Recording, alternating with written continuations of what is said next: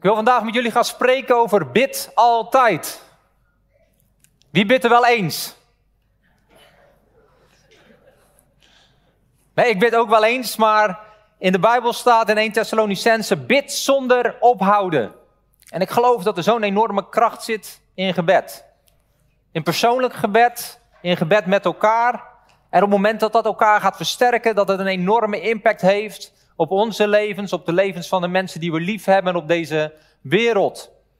En daarom wil ik je ook aanmoedigen om aantekeningen te maken vandaag. Ik ga over vijf punten over bidden spreken en ik geloof dat het ons gaat helpen om te bidden en daar ook gewoon de wonderen van te zien in onze levens. En de vijf punten die ik heb zijn bid in je eigen woorden, bid in de naam van Jezus, bid in geloof, bid vanuit genade, bid altijd. En de eerste is gelijk de belangrijkste. Bid in je eigen woorden. Bid zoals jij bent. Ik geloof dat dat een enorme grote uitdaging is. En toch is dat wat ik in de Bijbel continu ontdek. In Matthäus 6, vers 7 staat, en dan zegt Jezus, als u bidt, gebruik dan geen omhaal van woorden zoals de heidenen, want zij denken dat zij door de veelheid van hun woorden verhoord zullen worden. En waarom is dit nu het belangrijkste punt vandaag, bid in je eigen woorden? Omdat hoe jij bidt, laat zien wat jouw relatie is tot degene tot wie je bidt. Dus hoe jij bidt, dat zegt iets over de relatie tot degene tot wie je bidt. En Jezus heeft het hier over de heidenen. En wat was dat in die tijd? Die hadden afgodenbeelden. En wat moesten ze doen? Dan moesten ze offers aanbrengen. En dan moesten ze van alles brengen. En heel veel woorden gebruiken om die afgod maar gunstig te stemmen. Opdat ze vruchtbaar zouden zijn of een oogst zouden hebben. En ze moesten indruk maken op die God. Maar God wil dat wij heel anders tot Hem naderen als wij bidden. Waarom? Omdat Hij een andere relatie met ons wil. Hij wil de relatie van vader en kind. En God heeft zelf een offer gebracht voor jou en mij. In plaats van dat Hij offers eist van ons. En zoals het toen was, dat ze offers moesten brengen en heel veel woorden moesten gebruiken, is het dit keer dat God zelf naar deze aarde is gekomen voor jou en voor mij. En hoe wij bidden geeft uiting aan hoe wij God zien. En God, als het over gebed gaat, wil Hij een vader zijn. En dat wij bidden als zijn kinderen. Want in het volgende vers zegt Jezus: Word dan aan hen niet gelijk, want uw vader weet wat u nodig hebt voordat u tot hem bidt. Bid u dan, onze vader die in de hemel zij, uw naam worden geheiligd. Mijn vader, wat we net hebben gezongen. Dus Jezus zegt, wij bidden anders. En waarom bidden we anders? Omdat onze relatie tot God totaal anders is. Die is er een van een vader en zijn kinderen. En als wij tot God naderen, mogen we komen als zijn kinderen in de zekerheid dat hij een liefdevolle vader is. En dat is het belangrijkste punt als het over bidden gaat, is tot wie bid jij? Bid jij tot een God ver weg of bid jij tot een God die een liefdevolle vader is en die zelf zijn zoon heeft gegeven voor jou en voor mij? Als je bij je vader komt, is het de bedoeling dat je kan komen zoals dat je zelf bent. Gewoon helemaal jezelf zijn. Ik heb het voorrecht dat ik zo bij mijn vader zelf mag komen, maar mijn kinderen mogen ook bij mij komen zoals ze zijn. En het ideaal is dat ik bij mijn kinderen zie, is dat ze thuis helemaal zichzelf zijn. Op andere plekken zie je dat er eens een beetje aanpassen, maar thuis zijn ze helemaal zichzelf. Daar durven ze hun kwetsbaarheden te laten zien, daar komen de tranen eruit als iets spannend is geweest. Daar laten ze hun scheten. Nou zijn ze op een leeftijd dat ze dat overal doen en dat nogal stoer vinden. Dus dat is misschien niet zo'n goed voorbeeld, maar ze zijn totaal zichzelf. Totaal zichzelf. En dat vind ik als vader enorm fijn. Hoeveel te meer zou God het als vader fijn vinden als wij tot hem komen zoals wij werkelijk zijn. Ik geloof dat God zich vereerd voelt als wij helemaal durven te komen zoals we zijn. Omdat dat aangeeft dat wij bidden tot iemand waarvan we geloven dat hij onze liefdevolle vader is, die wij kennen als een liefdevolle vader. Is een compliment voor God. Als we zo durven te naderen tot Hem. Als we zo, en dat is bidden, is gewoon praten met God. Als we zo durven te praten met Hem. De Bijbel zegt, als we bidden zullen we ontvangen. En vaak gebruiken we dat tekstgedeelte, Matthäus 7, vers 8. Want in ieder die bidt, die ontvangt, wie zoekt, die vindt en voor wie klopt, zal worden opengedaan. En volgens gaat Jezus uitleggen waarom dat zo is. En dat heeft niks te maken met hoe goed jij en ik wel of niet bidden. Er staat niet, want, hè, want wie bidt, die ontvangt, wie zoekt, die vindt en door wie klopt, zal opengedaan worden. Want dat ben je heel erg goed in, of daar kan je een training in volgen, of dat maakt indruk op God. Nee, wat staat er? Of is er iemand onder u die zijn zoon een steen zal geven als hij om een brood vraagt? Waarom worden we verhoord? Om wie God is. Omdat God een vader is die voor zijn kinderen zorgt. Daarom is het zo dat als we bidden we ontvangen, als we zoeken we vinden en als we kloppen er open gedaan zal worden. Het heeft niet zoveel te maken met ons. Dat heeft alles te maken met wie God is. Een liefdevolle vader, een goede vader. Of als hij hem om een vis vraagt, zal hij hem een slang geven. Als u, die slecht bent, hè, ook al doen ze ons best, we zijn gewoon mensen, uw kinderen dan goede gaven weten geven. Hoeveel te meer zal uw vader, weer vader, die in de hemel is, goede gaven geven aan hem die tot hem bidden. Onze gebedsverhoring zit niet in ons gebed, maar zit in tot wie wij bidden. En dat is een vader die zijn zoon heeft gegeven, die zoveel meer is dan dat wij al als natuurlijke mensen zijn en die het goede voor heeft met u en met mij. Dus als je gaat bidden, bid dan zoals dat je bent. Als jij denkt als een Einstein, bid als Einstein. Maar als je denkt als een simpel iemand, bid als een simpel iemand. Er is niks in jouw gebed wat je hoeft aan te passen. Er zijn geen formules die je hoeft toe te passen, waardoor jouw gebed meer effect gaat hebben. Jouw effect van je gebed hangt af tot wie je bidt. Is dat een liefdevolle vader of niet? En God is een liefdevolle vader. We hoeven niet bij God te komen omdat we het allemaal op orde hebben. Nee, heel vaak komen we juist bij God omdat we het niet op orde hebben. Jacobus 1, vers 5 zegt: Als iemand onder u een wijsheid tekort schiet, laat hij die dan vragen aan God, die aan ieder overvloedig geeft en geen verwijten maakt, en ze zal hem gegeven worden. Als je bidt, zit er dan toch nog iets in dat je bang bent dat je niet goed genoeg bidt en dat er verwijten uit de hemel komen van ja, je hebt uh, vergeten in Jezus naam te zeggen, dus sorry, ik kan er niet voor. Of ja, nee, uh, je zei niet dank u dat u, maar je zei als u het wil, ga ik niet verhoren. Heb je nog ergens het gevoel dat God in de hemel bezig is om na te gaan, onze gebed langs een meetlat te leggen, of het wel aan bepaalde voorwaarden voldoet voordat hij hem gaat beantwoorden?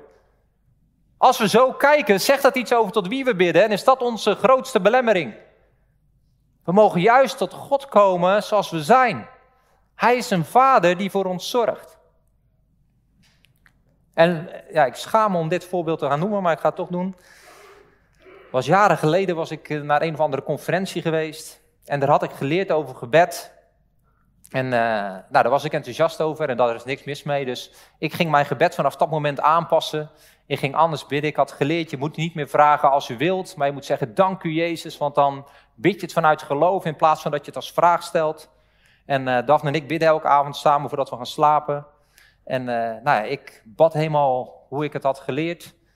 Maar Daphne niet. Ja, die was daar niet geweest. En ik ging Daphne corrigeren op haar gebed. En daarom zeg ik, dit is het belangrijkste punt. Want opeens ging ik iets wat op zich goed was, meer prioriteit geven dan dat wat het belangrijkste is. En dat is dat Daphne en ik en iedereen bij een vader komt die van je houdt. En die er nou niet op let of jij het op de goede manier zegt, maar die gewoon ziet of een kind zijn hart uitstort en zich veilig voelt bij hem of niet. En nogmaals, die open, het was een openbaring voor mij en als iets je openbaart is dat geweldig en we mogen leren voor gebed. Het is goed dat er scholen zijn over gebed. Als de dingen vanuit een ervaring, hè, vanuit openbaring gebeuren in ons leven, is dat geweldig. Maar als we die openbaring niet hebben, maar gaan toepassen als een formule, dan doet het schade aan dat wat het meest belangrijk is. En dat is dat we bij een vader komen die van ons houdt. En gelukkig eh, was Daphne toen al heel assertief. Dus je zegt, Maart, wat doe je nou? Dus uh, we hadden na gebed gelijk ruzie, heel goed. Zoals ijzer ijzer scherpt. Maar ik ben heel erg blij dat zij dat deed. Want stel dat zij niet zo had gereageerd. Of ik was zo dom geweest om niet meer excuses aan te bieden, maar te volharden in van ja, maar je doet het toch echt fout. En daarom hebben we geen doorbraak in dit punt waar we al zo lang voor bidden. Dan was ik zo van genade en een relatie met de liefdevolle vader gestapt in een wet. En had ik haar en mezelf onder een wet gebracht over, ja, ja, maar nu kan de doorbraak niet komen, nu gaat het niet gebeuren. En ik ben helemaal niet meer bezig met een liefdevolle vader. Ik ben vooral heel erg bezig met mijn gebed. En ik ga mijn eigen gebed beoordelen. Ik ga het gebed van de Daphne beoordelen. En voor je het weet ga ik hier op de bidstond ook nog wat mensen corrigeren omdat ze niet goed bidden. En de cultuur wordt er niet meer een van, we komen als kinderen van God bij elkaar om heerlijk onze vader te zoeken. De cultuur wordt er een van, we zijn met elkaar bezig of we allemaal wel goed bidden, want anders kan God niks doen. Tricky. Daarom is het zo belangrijk. Het belangrijkste punt is, bid in je eigen woorden, bid zoals je bent, kom tot God die vader voor je is. Hoe je bidt, zegt iets over degene tot wie je bidt. En hoe meer jij jezelf durft te zijn in je gebed, hoe meer je in het hart van God komt. Hij wil benaderd worden als een liefdevolle vader. Dat is juist wat hem zo onderscheidt van al die andere goden. Elke religie maakt dat de mens tot hem moet komen en van alles moet doen. En het christendom is de enige religie die geen religie is, maar een relatie waarin God zijn zoon heeft gegeven om in relatie te zijn met jou en mij. En dat is zo voor onze redding, maar dat is ook in ons gebedsleven, dat is voor elke gebedshoring, voor elke nood. Mogen bij God komen als zijn kinderen. Dus bid zoals jezelf, bid in je eigen woorden. En het tweede punt, en daar heb ik ook vaak een formulegedachten bij, Terwijl dat totaal niet is wat Jezus bedoelt, is bid in de naam van Jezus. Jezus zegt in Johannes 16, vers 23. En op die dag zult u mij niets vragen. Dat gaat over hè, zijn sterven en opstaan en zijn hemel gaan. Maar voorwaar, voorwaar, ik zeg u, alles wat u de Vader zult bidden in mijn naam, gaat weer over de Vader. Als Jezus over gebed praat, heeft hij het opeens niet meer over God, maar gaat hij het over de Vader hebben. Viel me echt op in het voorbereiden van deze preek. Continu gaat het over de Vader, continu gaat het over kinderen. Alles wat u de Vader zult bidden in mijn naam, in de naam van Jezus, zal hij u geven. Tot nu toe hebt u niets gebeden in mijn naam. Bid en u zult ontvangen, opdat uw blijdschap, blijdschap voorkomen zal worden. Jezus spoort ons aan om te bidden in zijn naam. En dat doen we heel vaak heel letterlijk. dat leren we onze kinderen al eh, als ze heel klein zijn. Wilt u dit eten zegenen in Jezus' naam? Amen. En elk gebed, bijna elk gebed, wat we bidden sluiten we af met in de naam van Jezus. Of in Jezus' naam, amen. Nou is dat natuurlijk helemaal niet verkeerd, maar ik denk niet dat dat is wat Jezus hier bedoelde. Er zijn nou vanaf nu is het de bedoeling dat je helemaal hetzelfde bidt, maar het enige wat je anders moet doen is in de naam van Jezus. En dan, ja, dan gaat er een trucendoos open, dan gaat er iets open, want je hebt in de naam van Jezus gezegd. Dus maakt niet meer uit voor de rest hoe je relaties met God, als je maar in de naam van Jezus zegt. Zo leuk, je hebt een verhaal in de Bijbel. En dan uh, zijn er zeven broers. En die zien wat voor impact het heeft als Paulus bidt voor de zieken in de naam van Jezus. Dat gewoon iedereen geneest op dat moment. En ze denken, oh, nou ja, in de naam van Jezus, dat kunnen wij ook zeggen. Dus die beginnen ook voor mensen te bidden in de naam van Jezus. En die komen stuiten op een situatie waar een demon is. En die zeggen in de naam van Jezus, ga weg. En die demon zegt, Jezus ken ik. Van Paulus heb ik gehoord. Maar woede zijn jullie. En hij stuurt ze zo dat huis uit en ze gaan en naakt en gewond het huis uit. Nou ja, daaruit blijkt dat het niet om een trucje gaat van bidden in de naam van Jezus, maar dat we willekeurig allemaal in de naam van Jezus zeggen. Nee, en waarom doen we het en waarom leer ik het mijn kinderen ook? Omdat het ons bewust maakt dat we bidden vanuit een relatie op grond van het volbrachte werk van Jezus. Waarom geloven we dat ons gebed verhoord wordt? Omdat God een liefdevolle vader is en omdat Jezus het heeft volbracht. Heel het Oude Testament leidt tot dat punt, dat er een enorme kloof is, dat God zo genadig is en zo graag tegemoet wil komen aan het verhoren van gebeden, waar het niet kan, omdat de mens niet rechtvaardig genoeg is. Maar dan is daar Jezus. Dus bidden in de naam van Jezus heeft ermee te maken dat we bidden niet op grond van alles wat we zelf hebben gedaan, maar op basis van dat we beseffen bij elk gebed, bij alles wat we bidden, dat dat verhoord gaat worden omdat Jezus het heeft volbracht. Daarom bidden we in de naam van Jezus. In Hebreeën 2, vers 10 tot 16. En zoek die maar even op, want dat is een net wat langere tekst. Ik denk, zeg er maar bij, want ik gebruik altijd veel teksten. Die, als we die allemaal op gaan zoeken, dan, uh, dan preek ik te lang. Maar deze is wel goed om op te zoeken en dat is het leuke, hè? Als je opeens iets ziet, dan zie je het opeens overal. dus ik ging, het ging mij opeens opvallen, oh, Jezus heeft het niet alleen onze vader over de vader, maar waar hij het ook over bidden gaat hebben, gaat het opeens over een vader-kindrelatie. En nu in Hebreeën 2 vers 10 is de tekst en opeens gaat het me weer opvallen dat het allemaal in familierelatie wel beschreven wordt. Er staat in Hebreeën 2 vanaf vers 10, want het paste hem, God de Vader, om wie al alle dingen zijn en door wie alle dingen zijn, dat hij om veel kinderen, zie je de term kinderen, niet mensen, nee kinderen, tot heerlijkheid te brengen, de leidsman van hun zaligheid door lijden heen zou heiligen. de weg die Jezus moest gaan. Immers zowel hij die heiligt, als zij die geheiligd worden, zijn allen uiteen. Daar zegt hij, Jezus is mens geworden en is hetzelfde geworden als ons. Daarom schaamt Jezus zich er niet voor hen broeders te noemen, broers, zussen, familie. Want hij zegt, ik zal uw naam, de naam van de Vader, aan mijn broeders verkondigen. Te midden van de gemeente zal ik u lof zingen. En verder, ik zal mijn vertrouwen op hem stellen. En vervolgens zie ik en de kinderen, de kinderen die God mij gegeven heeft. Omdat nu die kinderen van vlees en bloed zijn, heeft hij eveneens daarin deel gehad om door de dood hem, die de macht over de dood had, dat is de duivel, te niet te doen. En alle te verlossen die door angst voor de dood gedurende heel hun leven aan slavernij onderworpen waren. Want werkelijk, hij neemt de engelen niet aan, maar hij neemt het nageslacht van Abraham aan. Hij neemt de mensen aan die geloven. En wat zien we nu opeens in deze tekst? Waar gaat dit om? Dat er in de hemel iets is gebeurd omdat Jezus mens is geworden, omdat Jezus bij God is gekomen, gaat het hier over kinderen. En gaat het er dus om dat als wij bidden in de naam van Jezus, we bidden omdat Jezus de leidsman van onze zaligheid is. Dat Jezus degene is die het heeft volbracht. Dus elke keer als we bidden in de naam van Jezus, doen we dat omdat we beseffen dat Hij de weg heeft gebaand.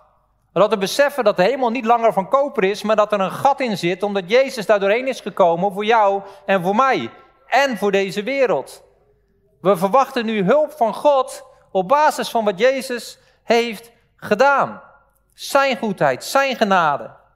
Niks meer te maken met onze prestaties. Dus ons gebed is niet zoveel bezig met de prestatie van ons gebed. Nee, ons gebed wordt gebeden in de naam van Jezus en heeft daarmee te maken met de prestatie van Jezus. En Jezus stelt zichzelf ook voor als de grote broer. Wie is er opgegroeid in een gezin met meerdere kinderen?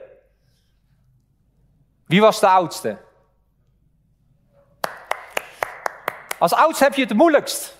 Ik ben ook de oudste, ik wil mijn frustratie kwijt. Als oudste mag je niks, is alles spannend, is alles voorzichtig. En dan heb je mazzelaars. En mijn broertje kwam zes jaar na mij, was de vierde en die mocht alles. Alle snoepjes mocht hij al vanaf dat hij geboren was. Hij hoefde niks gezonds gelijk. Hij was de vierde. Het was al druk zat in het gezin. Hadden ze allemaal geen tijd voor. Hij hoefde niet te knokken om een uurtje later thuis te mogen komen. Want ja, inmiddels hadden ze wel gezien bij mij dat het goed kwam. Dus waren ze flexibeler. Als oudste heb je het zo enorm moeilijk. Als jongste, dank je oudere broer en zussen. Bel ze, app ze vandaag en zeg dank je wel dat je voor mij de weg hebt gebaand naar een makkelijker leven. Maar geestelijk is het helemaal hetzelfde. Jezus heeft die weg gebaand. Wat heerlijk dat wij de jongere kinderen zijn. Hij heeft al bij de Vader gebeden, gepleit, heeft het allemaal mogelijk gemaakt. En voor ons is het leven nu zoveel makkelijker, omdat Hij als oudste broer heeft gebeden, heeft gepleit, de weg heeft gebaand voor ons, de jongere broers en zussen. Zijn we Hem daar dankbaar voor? Bidden we in de naam van Jezus, bidden we in het besef dat onze grote broer dat heeft gedaan. En bidden we vanuit het besef dat we in een heerlijke familierelatie zijn, waar we een liefdevolle vader hebben, waar we een grote broer hebben die het voor ons opneemt, die de weg baant. Bidden we zo? Of maken we het enorm moeilijk, lastig? En daarom wil ik ook het bidden, het derde punt bespreken, bid in geloof. Want ik vind die eerste twee punten heerlijk, alleen dan gaat het over geloof en dan vind ik het opeens moeilijk. Want bij mij voelt het ergens alsof ik dan uit die relatie stap en opeens wel voor mij iets verwacht gaat worden. Want in Jacob, ik had net Jacobus 1 vers 5 en nu pak ik vers 6. Maar laat hij er in geloof om vragen en daarbij niet twijfelen. Immers, wie twijfelt, lijkt op een golf van de zee die door de wind voortgestuwd en op en neer geworpen wordt. En zo was ik heerlijk in de familieatmosfeer. En zo sta ik opeens op het slagveld en moet ik strijden en moet ik doen. En weet ik dat niet samen te brengen. Terwijl, hè, Jacobus, ik had net vers 5. Even kijken, of had ik hem hier ergens? Als we de versen achter elkaar lezen, dan opeens denken van, hè? En als iemand van u een wijsheid tekort schiet, laat hij die dan vragen aan God. Hè, dus we hoeven geen wijsheid te hebben. Nee, we mogen juist tekort schieten in wijsheid. Die aan een ieder overvloedig geeft en geen verwijten maakt. Oh heerlijk, ik mag gewoon helemaal zijn wie ik ben. Ik mag gewoon bidden zoals dat ik ben. En het zal hem gegeven worden. Maar laat hij er in geloof om vragen en daarbij niet twijfelen. Nou, wat een spoiler. Heerlijk, ik mag bij God komen zoals ik ben. Heerlijk, ik mag gewoon als een kind zijn. En ik mag nog als jongste kind zijn ook. Ik hoef geen oudste kind te zijn, prijs God. Maar en opeens wordt geloof een issue. Opeens zijn er geen verwijten, maar is er in mijn hoofd toch een verwijt naar mezelf. En dat is dat ik niet genoeg geloof heb, geen groot genoeg geloof. Dat ik maar een beetje geloof heb.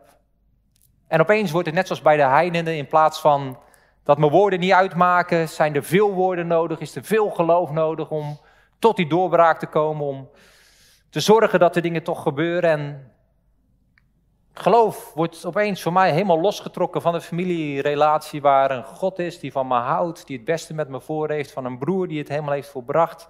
Terwijl we binnen die context deze tekst moeten lezen.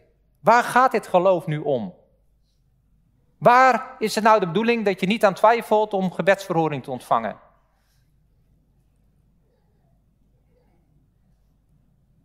Het wordt net gezegd, je mag aan alles twijfelen, er is geen verwijt.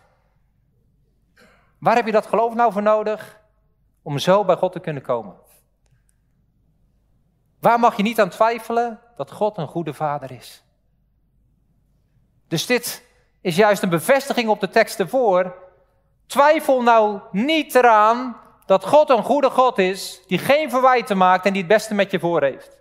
Blijf vanuit die familierelatie waar je weet dat je broer het heeft verbracht, tot hem komen. Ook als je dingen niet snapt, ook als het moeilijk wordt. Twijfel daar niet aan. Dus als je bidt voor een specifiek iets, zegt deze tekst niet, als je niet genoeg geloof hebt voor dat specifieke, dan doe je het fout.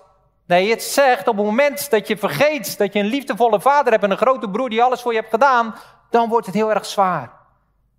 Dus in wat je ook doet, wat je ook lastig vindt, wat je ook fout doet, er komen geen verwijten, maar blijf vast in die relatie die je met God hebt, dat Hij een liefdevolle vader is die voor jou zorgt. Blijf dat kind wat gewoon naar zijn vader toe gaat. Ga niet te veel op jezelf letten. Ga niet te veel op je eigen gebed letten. Ga niet te veel op je woorden letten. Ga niet te veel op je geloof letten. Maar wees vooral en voornamelijk gefocust op God, de Vader en Jezus, de Zoon.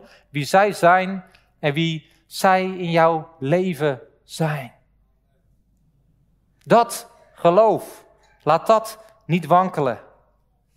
En ik, ik vind dat zo heerlijk om dat te zien in Marcus 9. Dan is er een situatie en de discipelen komen er niet uit. En dan komt Jezus erbij en waar gaat het om? Het gaat om een jongen die bezeten is en die in het vuur wordt geworpen en die is daar met zijn vader. En die vader die is radeloos. Heeft alles geprobeerd om maar verlossing te vinden voor zijn kind. En hij komt bij de discipelen kunnen hem niet helpen. En dan komt Jezus, die komt net van de berg van de verheerlijking. En die komt eraan en die vraagt aan de vader, hoe lang is dit nou dat dit hem overkomt? En de vader zegt, ja, dit is al van jongs af aan. Zo jaren dat dit plaatsvindt. En hij is ook vaak in het vuur en in het water geworpen. En als u iets kunt doen, Wees staan alsjeblieft met innerlijke ontferping bewogen over ons en help ons. Alsjeblieft, Jezus, als u kunt, alsjeblieft. Doe dan niets. En Jezus zegt, als u kunt geloven, alle dingen zijn mogelijk voor wie gelooft. Nou, die tekst hebben we denk ik heel vaak gehoord. En meteen riep de vader van het kind onder traan, ik geloof Heer, kom mijn ongeloof te hulp. Dus er wordt een statement door Jezus gemaakt en ik denk dat je nu in de context van vandaag gevoelt over wie heeft Jezus het nu. Die man zegt, als u kunt. Jezus zegt, als u kunt, als ik kan, alles is mogelijk voor mij, want ik heb geloof. Hij zegt niet tegen die vader, alles is mogelijk voor jou als je geloof hebt. Hij zegt, je komt nu naar mij en je twijfelt eraan of ik het kan. voor mij is alles mogelijk, want ik ben altijd vol van geloof. Maar weet je hoe wij die tekst lezen? wij knippen eruit, als, en, als u kunt geloven, alle dingen zijn mogelijk voor wie gelooft. En wij doen het net als de vader, wat is onze reactie? Ik geloof, ik geloof, als dat nodig is, ik geloof. Maar ik hou van deze vader, want hij zegt gelijk, kom mijn ongeloof te hulp. En zo voel ik me zo vaak. Ik kom met geloof. Maar vaak is dat echt een mosterdzaadje geloof. Dat ik ergens weet, hey, in de Bijbel staat dat God dit kan, dat God dit doet. Maar het grote geloof wat nodig is om bergen te verzetten, nou, ik heb het niet. En ik heb er heel erg mijn best voor gedaan om het wel te hebben, maar alleen maar om nog gefrustreerder te worden dat ik het gewoon niet heb. En gelukkig hè, zijn er mensen die het dan wel hebben of Hè, waarvan ik denk, nou, dan hebben die het misschien, of die gaat dat misschien wel lukken, maar ik word er radeloos van om dat geloof te moeten hebben. En dat vind ik zo heerlijk, nu door deze bril lezend dit soort teksten. Het is niet zo dat als jij geloof hebt, daar je doorbraak je wonder is. Nee, het heeft te maken met het geloof van Jezus. En zijn geloof is onwankelbaar. Ik las een dagboekje van Joseph Prince. En die legt dit ook zo mooi uit. Die zegt in de Griekse grondtekst staat er eigenlijk: kun je geloven dat alles mogelijk is voor Jezus die altijd vol van geloof is? Kun je dat geloven? Kun je vandaag geloven dat alles mogelijk is, niet omdat jij zo'n groot geloof hebt, maar dat alles mogelijk is omdat Jezus vol geloof is? Dat Jezus de zegenkroon draagt. Dat Jezus de overwinnaar is. Dat maakt de wereld van een verschil. Het heeft niet zoveel te maken met de grootte van ons geloof, het heeft te maken met wie we geloven. Geloven we in Jezus die het heeft volbracht? Geloven we een Vader die van ons houdt? En het is bizar, besef ik in deze voorbereiding, hoeveel gebeden er verhoord worden. Het is jammer dat we geen dagboek bijhouden van alles wat we in ons leven bidden. Bewust of onbewust, hè, maar ik denk dat we met elkaar hier miljoenen gebeden vertegenwoordigd zijn. En ik denk als we zouden gaan turven of straks in de hemel zien hoeveel van die gebeden verhoord zijn, dat er enorm, enorm, enorm veel zijn. Maar wat blijft vaak hangen? Daar waar dat niet verhoord wordt, daar waar die moeilijkheid zit, daar waar die spagaat zit. We willen altijd meer en dat is ergens ook goed, want er is meer. Maar zo vaak rooft het onze blik van dat alles wat we hebben ontvangen. We nemen geen tijd om dingen te vieren. dat zeggen profsporters ook vaak. Dan denk je van, nou, wat een heerlijke carrière, volop genieten. Maar die gaan pas aan het eind van hun carrière. Ze staan zich niet toe om te genieten van een bepaalde overwinning of een bepaalde prijs. Want ze zijn alweer bezig met het volgende toernooi, met de volgende wedstrijd. En soms zitten wij zo ook in het leven. Maar ik geloof dat er zo enorm veel gebeden verhoord worden. Maar waar we soms voor vergeten God daarvoor te danken of ons niet bewust zijn, omdat we altijd wel in ons hoofd bezig zijn met datgene waar we nog nood hebben, waar we nog voorbidden. En ik wil daar ook over spreken, want ik, ik geloof, we zei, je bent familie met elkaar. Nou, dan kan je wel altijd eh, alleen maar spreken over die dingen die goed gaan, maar dan is het ook goed om te spreken over dingen die moeilijk zijn, toch? Tenminste, thuis bij mij, dan wil ik dat mijn kinderen bij me komen en bespreken wat goed gaat, maar Gisteren had Joel ook een vraag, daar heb ik ook geen antwoord op. die is nu op school en die eh, zit op het gymnasium. En uh, nou ja, hij heeft drie vakken en al die drie die vakken die leggen allemaal op een andere manier uit hoe de evolutietheorie voor dit en voor dat en dat voor dat gezorgd heeft. Dus uh, gisteren een leuk gesprek met hem en dan kom je erachter van ja, of het is ooit begonnen met een God waar we niet weten waar die vandaan komt, of het is ooit begonnen met iets anders waar je ook niet weet waar het vandaan komt. Maar het begint altijd, ergens is er iets wat er eerst niet was. Ja, en het is of God geweest of het is iets anders geweest. En daar ja, ga je nooit uitkomen. Hè? Dus ik heb hem uitgelegd van, nou ja, hè, wij geloven dit en zij geloven dat, maar het is niet alsof dat wij iets geloven en zij wetenschap bedrijven. Er zit evenveel wetenschap in hoe wij als gelovigen de dingen benaderen. Hè? Dat noemen ze intelligent design. Als dat er zit in hoe, God, hoe uh, de evolutietheorie dingen benadert. En ik ben ervan overtuigd dat je meer geloof nodig hebt voor de evolutietheorie dan voor het scheppingsverhaal. Maar ik bespreek dat soort dingen en ik ben ook eerlijk over de dingen die ik niet weet. En dat is denk ik ook belangrijk dat we met elkaar zo over dingen praten, als we familie over dingen praten. Als we bijvoorbeeld genezing pakken, en dan verlangen we met elkaar enorm veel naar, als familie, als huisgezin hier, naar een doorbraak in genezing. En dat heeft niks met theologie of met doctrine te maken. Dat heeft te maken met broers en zussen die lijden, waar we van houden en waar we verdriet om hebben, dat die een nood hebben, dat die leed hebben. Daarom wil ik erover praten in familiesetting. Niet om een bepaalde theologie vanaf een podium te horen, neer te zetten, want zo moeten we dan doen. Nee, in een familierelatie met een vader, een liefdevolle broer, is de gebrokenheid van ja, dingen waar we geen doorbraak in zien, of beperkte doorbraak. En specifiek genezing zijn we al zoveel jaren voor aan het bidden.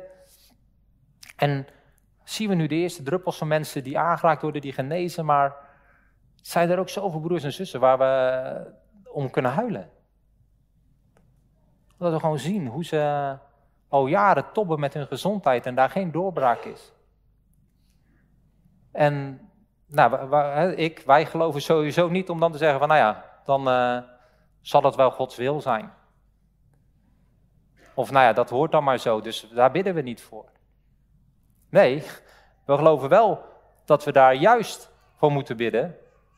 Maar ik heb inmiddels te lang in de valkuil gelopen dat ik denk, die doorbraak waar we naar streven, die doorbraak die we geloven dat er komt, die we verwachten, die gaat er komen omdat ik of wij een enorm groot geloof gaan ontwikkelen. Nee. Ik ben er 100% van overtuigd dat er een doorbraak gaat komen. Dat mensen die nu lijden, dat die niet langer zullen lijden, omdat er een genezing plaats gaat vinden. Maar ik ben er ook 100% van overtuigd dat het niks te maken heeft dat wij opeens superwoman, super team, super kerk gaan zijn, die een enorm geloof hebben, waardoor we kunnen zeggen, daardoor is nu hier die doorbraak. Nee, waar zit die doorbraak in? Dat we meer en meer zicht krijgen op een liefdevolle vader. Op een grote broer die alles heeft volbracht. En dat we met elkaar steeds meer durven om ontspannen in zijn aanwezigheid te zijn. Dat we daar waar we het niet weten, gewoon maar huilen met elkaar. Maar niet loslaten van dat hij goed is. Dat we niet twijfelen aan dat hij een grote God is. Dat we niet twijfelen dat Jezus altijd geloof heeft en altijd daar is, altijd vol geloof is. En dat we met elkaar maar blijven kijken naar Hem, het blijven verwachten van Hem. En weet u, dat kan ik jaren volhouden. Drie jaar bezig mijn eigen geloof op te krikken en ik was uitgeput. Maar naar Jezus blijven kijken, het van Hem blijven verwachten, dat kan ik een leven lang. En dat ga ik ook een leven lang doen. En willen jullie dat met ons een leven lang doen? Blijf uitstrekken naar Hem. En nogmaals, ik ben ervan overtuigd dat die doorbraak er gaat komen. Maar er is maar één die we de eer kunnen geven. Als we daar met elkaar een vreugdedans hebben, omdat die, door, omdat die genezing daar is. Dat is we zeggen, oh wat is onze vader toch goed. Wat is onze grote broer toch geweldig. En met elkaar zullen we dat feestje vieren en hem die eer geven. Maar in die tussentijd, soms de tranen heen, gaan we ons elkaar niet beoordelen op ons geloof. En of ons geloof nou groter of kleiner is dan van iemand anders of van een andere kerk. Nee, we kijken naar Jezus. En dat vind ik zo leuk. In 2 Timotheus 2, vers 13, in het Engels staat het daar heel mooi. If we are faithless, he remains faithful. Dus in de, als wij less faith hebben, minder geloof hebben, dan blijft God full faith, vol van geloof. Dus ons geloof kan wankelen. Soms voelt het enorm krachtig en groot. Soms kan het weer schrinken tot iets heel kleins. Maar zijn geloof is vol, is vol. En in die zekerheid mogen we tot hem naderen. Jezus is onze grote broer. Hij is onze geloofsheld. De vierde is bid vanuit genade. En ik wil de band alvast vragen om naar voren te komen. Het bidden vanuit genade, waarom kunnen we dat nu? Juist door wat ik net allemaal heb benoemd. Als we tot God komen, dan doen we dat niet op basis van ons eigen werken, op basis van ons hè, heel erg gericht te zijn op onszelf, maar dat doen we door juist gericht te zijn op Hem. En ik ga hem nu niet helemaal lezen, maar in Lucas 18 staat een gelijkenis over een fariseer die bij God komt en die zegt, ik ben zo goed hierin, ik ben zo goed daarin, ik doe dit zo geweldig. Heer, en u zult wel enorm van mij onder de indruk zijn. En er komt daar een tollenaar en die zegt, nou heer, u bent totaal niet onder de indruk van mij, maar ik kom er nu en ik doe een beroep op uw genade. En wie's gebed wordt er verhoord? Die van de fariseer. Omdat hij een beroep doet op de genade van God. Hoe komen wij tot God? Als ik voor iemand bid en die is ziek, dan zeg ik niet, heer, van nou heer, genees deze persoon, want ik heb even opgezocht in uh, mijn Nehemia, maar die dient al tien jaar in het kinderwerk. Dus genees haar, want ze is zo'n geweldige kinderwerkster. Nee. Ik kom, ik zeg, heer, dank u wel dat ik mag komen en genezen van u mag verwachten, omdat u een goede vader bent. In mijn gebed kom ik niet tot God zeggen, nou heer, ik ben oudste en ik heb dit jaar zoveel gegeven, zowel in tijd als in geld. Dus nu gaat u vast en zeker mijn gebed verhoren. Heeft er niks mee te maken. Ik kom. Ik zeg, Heer, dank u wel, Heer, dat ik bij u mag komen. Dat u een liefdevolle vader bent. Dat u het bent die voor mij zorgt. Dat ik mag weten dat u goed bent. Dat Jezus heeft volbracht. Dat hij vol geloof is. En op dit moment kom ik bij u. Gewoon zoals ik ben. En verwacht ik vanuit u dat u antwoordt. Dat u aanraakt. Dat u geneest. Dat u helpt. U bent een trouwe God.